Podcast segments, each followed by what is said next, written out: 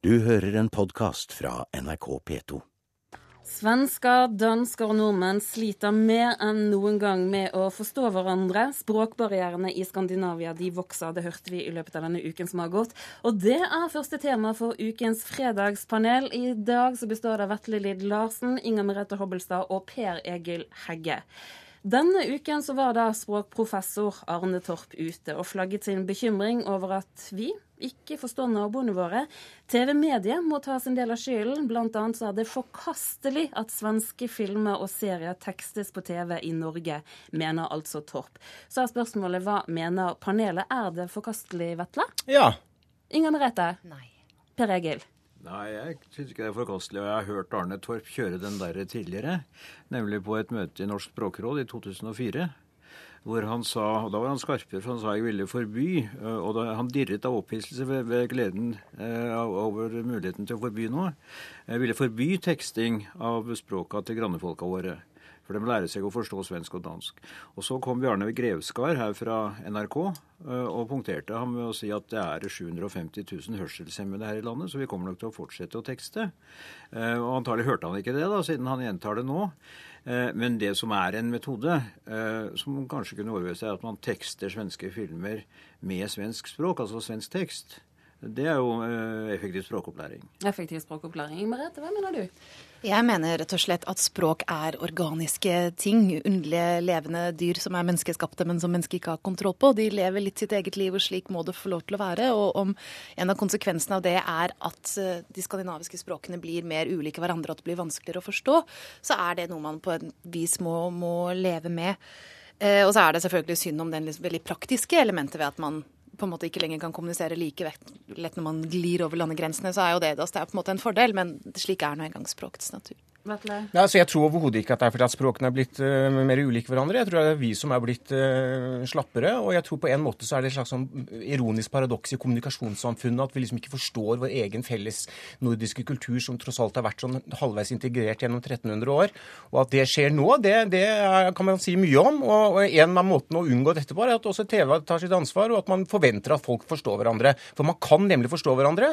Og dels når man ikke blir forstått, så har det med slapphet å gjøre hos danskene. Arroganse hos svenskene, og at vi er rett og slett for late, tror jeg.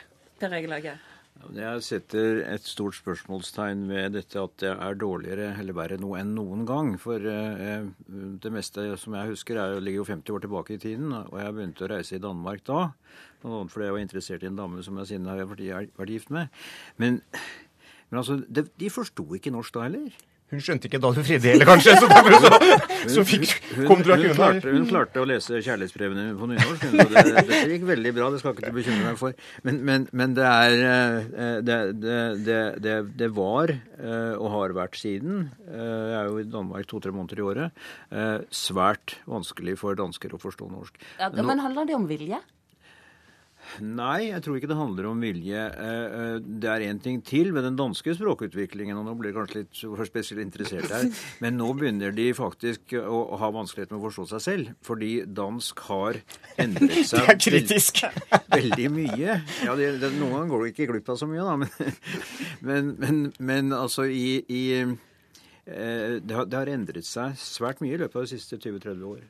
En fascinerende ting ved dette er jo at det, dette betyr jo at Bård Tufte Jansen og Harald Eia faktisk var fremsynte og forut for sin tid med Kamelås-sketsjen. Nå spiller den seg faktisk ut i virkeligheten, så nå er det bare å lure på om ja, den, den var, hvilke andre Den var en blinkskudd, den. Ja. Vi, vi, må huske på at en ny, en ny nederlandsk forskningsrapport viser at danskene snakker altså 25% opptil 40% raskere f.eks. enn svenskene. Så mens svenskene uttaler alle stavelser, altså lærere, så, så danskene begynte jo med la, og så er det blitt å, og så nå er det bare å. Det er til slutt, altså De snakker hurtigere og hurtigere. Så danskene forstår bedre svensk, men nordmenn og, og, og, og svensker har større problemer med gryntelydene fra, fra Danmark. Og det, det, er jo på en måte en naturlig forklaring som, som vi kan le litt av, men som faktisk at, er i nærheten av sannheten. Men du ser at danskene er de som forstår minst, og det syns jo jeg er underlig, rett og slett fordi jeg selvfølgelig tenker på meg selv og herrene ved siden av meg som upåklagelig artikulerte og lette å forstå i alle sammenhenger. Men det er jo noe med at norsk er jo faktisk et relativt artikulert språk, hvor det er relativt god overensstemmelse mellom det vi sier og det vi skriver, er det ikke det? Så det, det er, at det går veien. Mer, mer enn på dansk, og det er andre problemer ved dansk også. Men altså, nå nevnte Vetle eh, altså lærer, og nå er det faktisk ingen forskjell på uttalen av ordet for lege og ordet for lærer på dansk. Det var det for 30 år siden. Eh, altså Lea og Leie. Eh, og du skal være veldig finstemt eh, i Trondheim-regionen for, for, å få med deg dette her. Det har en konsekvens til, og det er at danske barn lærer å snakke ca. fire til seks måneder senere enn andre europeiske barn. Fordi de har mellom 20 og 25 vokaler. Det er veldig mye. Det er et vanskelig språk. å snakke, og Danskene snakker også er dårligere på fremmedspråk enn nordmennene. Men vi skal huske på én ting helt alvorlig talt. 20 millioner mennesker i et språkfellesskap. Det er en utrolig styrke for små samfunn som vårt. Den sjansen skulle vi gripe. Og det, det krever også noe av f.eks. TV-tekstere. Å, det må tekstes, må jeg da si. Fordi det er jo klart at når språk utvikler seg innenfor en litteratur, innenfor en TV-virkelighet osv. Og, så videre, og refererer til, så oppstår det nyanser og ting som nabofolk, nabospråk, ikke kjenner til eh, like, med like stor selvfølgelighet. Og det viktigste er jo tross alt at vi forstår, at vi får med oss nyansene osv. Og, eh, og da må det eh, legges til rette på TV-tekstingen for at vi skjønner hva det er de faktisk sier til hverandre. Det kan høres ut som ja. Altså, Arne tok feil i 2004, og han tar feil i år. Så, så, han er stabil i hvert fall. Det skal han ha. vi, vi, vi, må skifte, skifte tema og bevege oss vekk fra språket. Nå skal det handle om at hele Norge så godt som er preget av at motstandsmann Gunnar Sønsteby gikk bort i går. Han omtales blant, blant annet som en viktig formidler av krigshistorien vår. Og interessen for andre verdenskrig den øker igjen og igjen. og Det ser ut som vi er inne i en bølge av både bøker og filmer både i Norge og ute i verden som handler om den andre verdenskrig. Men, men, men, men er det mer å fortelle nå, Per Egil? Du må si ja eller nei. Eh, ja, det er det. Inger Merete? Ja. Vetle? Ja. Definitivt. Rørende enighet. Men Inger Merete, det som er med andre verdenskrig, er at hvis du ser den i populærkulturell sammenheng, så er den veldig tøyelig. Den kan brukes på veldig, veldig mange måter. Rett og slett fordi at andre verdenskrig er kanskje den store krigen der man i størst grad har en slags oppfatning av at det var et, et godt mot ondt. Altså at det var på en måte skurkene som da ble nedkjempet gjennom denne eh, lange, heroiske kampen. Og så er det selvfølgelig flere sider, flere sider av dette. Eh, men dette gjør jo bl.a. at eh, andre verdenskrig kan brukes til på en måte action, mer tradisjonelle actionfilmer til liksom den typen sånn Inglorious Bastard som Quentin Tarantino laget, som var nesten en slags parodi eller en spoof på andre verdenskrigsfilmen. Eh, en, kan, spu, en sput? Spoof. Spoof? En slags parodi, da. Eh, fordi, fordi, den har dette bildet. Altså med en gang du kommer til Vietnam, f.eks., så er, er, det ganske annerledes med en gang. Og Steven Spielberg var jo en som snakket om dette da han laget Red Men i Ryan, at han ville vise at andre verdenskrig var akkurat like eh, blodig, bråkete, full av lidelse, møkkete, fæl som Vietnamkrigen var. For tradisjonelt så er det Vietnamkrigen som har vært brukt som den typen krig, mens andre verdenskrig har vært mer eh, på en måte eh, Ringenes herre-krigen. da. Altså, historien må gjenfortelles gang etter gang, og man kan selvfølgelig kritisere gehalten på mye av det som produseres, men, men f.eks. en film som Max Manus, som man kan diskutere kvaliteten av på en del områder Personlig syns jeg den var både spennende og ganske vellaget. Men den, mer enn estetisk kvalitet, så var det en påminnelse for nye generasjoner om faktisk hva som skjedde, som vi har lett for å glemme. At Gregers Gram, f.eks., som ble skutt på den plasskafeen, var 27 år gammel, en guttunge. Og at de var folk som faktisk kjempet for noe som de trodde på som var større enn dem selv, og de var villige til å gi livet sitt for det, det er en ganske verdifull kunnskap å få formidlet videre. Og den kan fortelles på nytt øh, og på nytt. Og det, og det ser vi jo gjøre også f.eks. bare si raskt den amerikanske serien Pacific, som gikk nå for en stund tilbake, som jo var mesterlig, og som, som Inger Merete er inne på, forteller krigen ut fra ikke et gloriøst perspektiv, men ut fra den suppe suppe og gjørme og blodig dritten dette var. Det var realisme i den skildringen som var skremmende. Og i så, så sett så var det en antikrigsfilm, liksom. Så dette har verdi. Per Egil Hegge, er det dette det handler om, at de eh, nye generasjonene ikke skal glemme? Jeg tror det, og det så man jo eh, på det eh, som Gunnar Sønsteby har avsluttet nå. Altså Han reiste rundt og snakket til veldig mange skoleelever for å fortelle hvordan dette var. Eh, og det er mye av det som var såpass vanskelig å forestille seg for den som ikke har vært i nærheten av det, at nettopp det at det som en klisjé kalles et tidsvitne, kunne fortelle om det, det tror jeg har en pedagogisk verdi og en, en verdi i historieundervisningen som man ikke skal undervurdere. Det er noe evig fengslende også ved dette at dette er mennesker som oss, altså på, alle har jo noen på sin alder, som står overfor valg som er så annerledes fra noe vi kan forestille oss i dag. Altså, Vi tre som sitter her, vil jo forhåpentlig tror jeg, ikke havne i situasjoner der, eh, der det, man må risikere sitt eget liv kanskje familiens, eh, der man må velge side på den måten, der man kan kjøpe seg en viss trygghet med å samarbeide med en fiende osv. Så, videre. eh, så det er jo en evig fascinasjon i hvordan mennesker som en selv, som en kan identifisere seg med, faktisk da tenker og føler i møte med disse valgene. For man prøver, føler jo da at man presser mot ytterkanten av det menneskelige i slike ekstreme situasjoner. Men, og historier om det fortell, vil jo fortelles om og om igjen. Men de valgene tror jeg nå kanskje vi må stilles overfor i det daglige, vi også hele tiden. Valg på en måte at livet hele tiden handler om sånne valg. og Derfor så er det allikevel en, en, en, et memento, en, som vi, eksistensielle problemstillinger som vi møter, eh, som er like gyldige for oss også i, nesten i hverdagssituasjoner, i valg mellom hva, hvordan vi velger å handle. ikke sant? Sånn, altså, jeg føler at det har, Når det er gjort bra, så har det en moralsk eh, tyngde og dybde som er viktig. Men selvfølgelig, vi blir jo litt lei også. Det kan jo bli litt mye av det. Det blir jo en slags sånn jokking, unnskyld at jeg sier det, på andre verdenskrig også. Det finnes også på en måte andre ting her i verden som man var opptatt av enn å gjenfortelle om og om igjen de samme gamle, gamle greiene. Så det er på en måte en balansegang her også, da. Jeg er for øvrig litt fascinert av denne sørgejournalistikken og denne voldsomme bølgen av bevegelse som skyller over landet nå som Gunnar Sønsteby eh, er død. Og det virker jo som et slags behov for å finne tilbake til et fellesskap her, da, nesten. Altså det med at alle nå At det er en sånn boble alle er inne i, i og med at alle eh, skriver i kondolanseprotokoller eh, osv.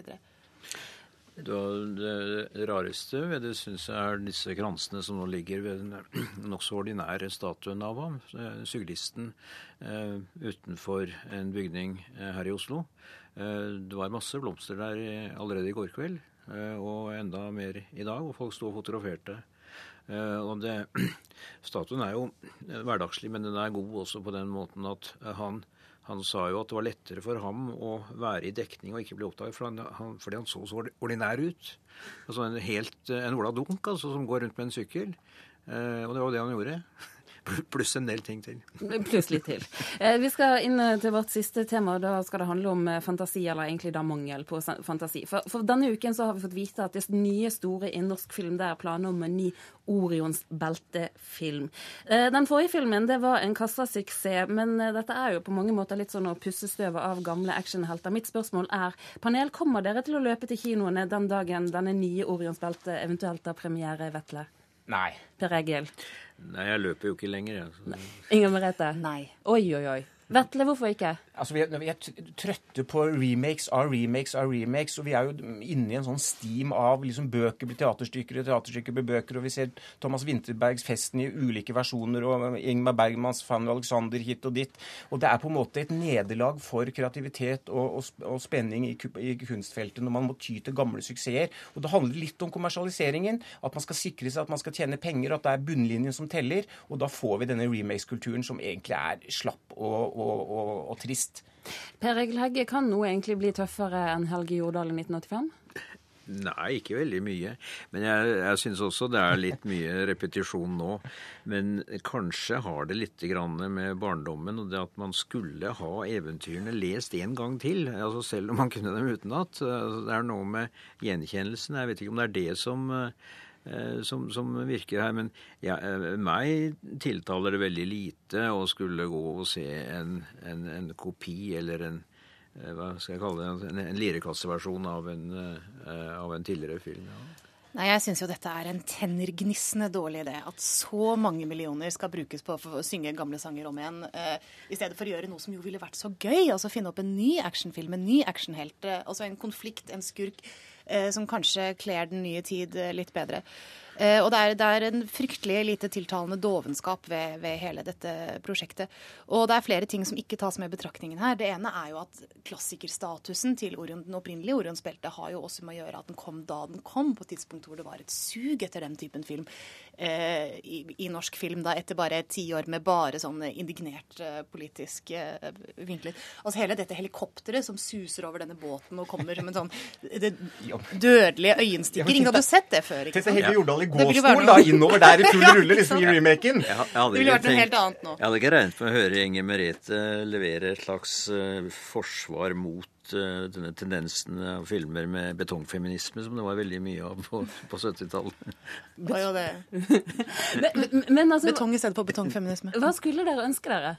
Det er jo 10 000 millioner fortellinger å fortelle. Og, og, og det fins jo bare nok fra, fra, alle epoker. Og vi kunne jo lage en god film om, om altså, Pregel din altså, Vi kunne ta noen gale psykiatere, f.eks., som du er glad i. Det fins jo mange, mange, gode historier der. Dem får vi jo mer enn nok av de nærmeste ukene. Det gjør vi jo for så vidt. Men allikevel, det fins jo historier hvor du en snur deg fra nær og fjern tid. Jeg savner en ny actionfilm, en ordentlig karakter. Det har vi ikke hatt siden Jason Bourne og John McClain. Det er på tide nå. Det er på tide nå. Inger Merete Hobbelstad fikk historie i denne, dette fredagspanelet. Det besto også av Vetle Lid Larsen og Per Egil Hegge. Vi som har laget i Kulturnytt i dag, det er Espen Alnes, Hanne Lunås og her i studio Turi Grønbekk.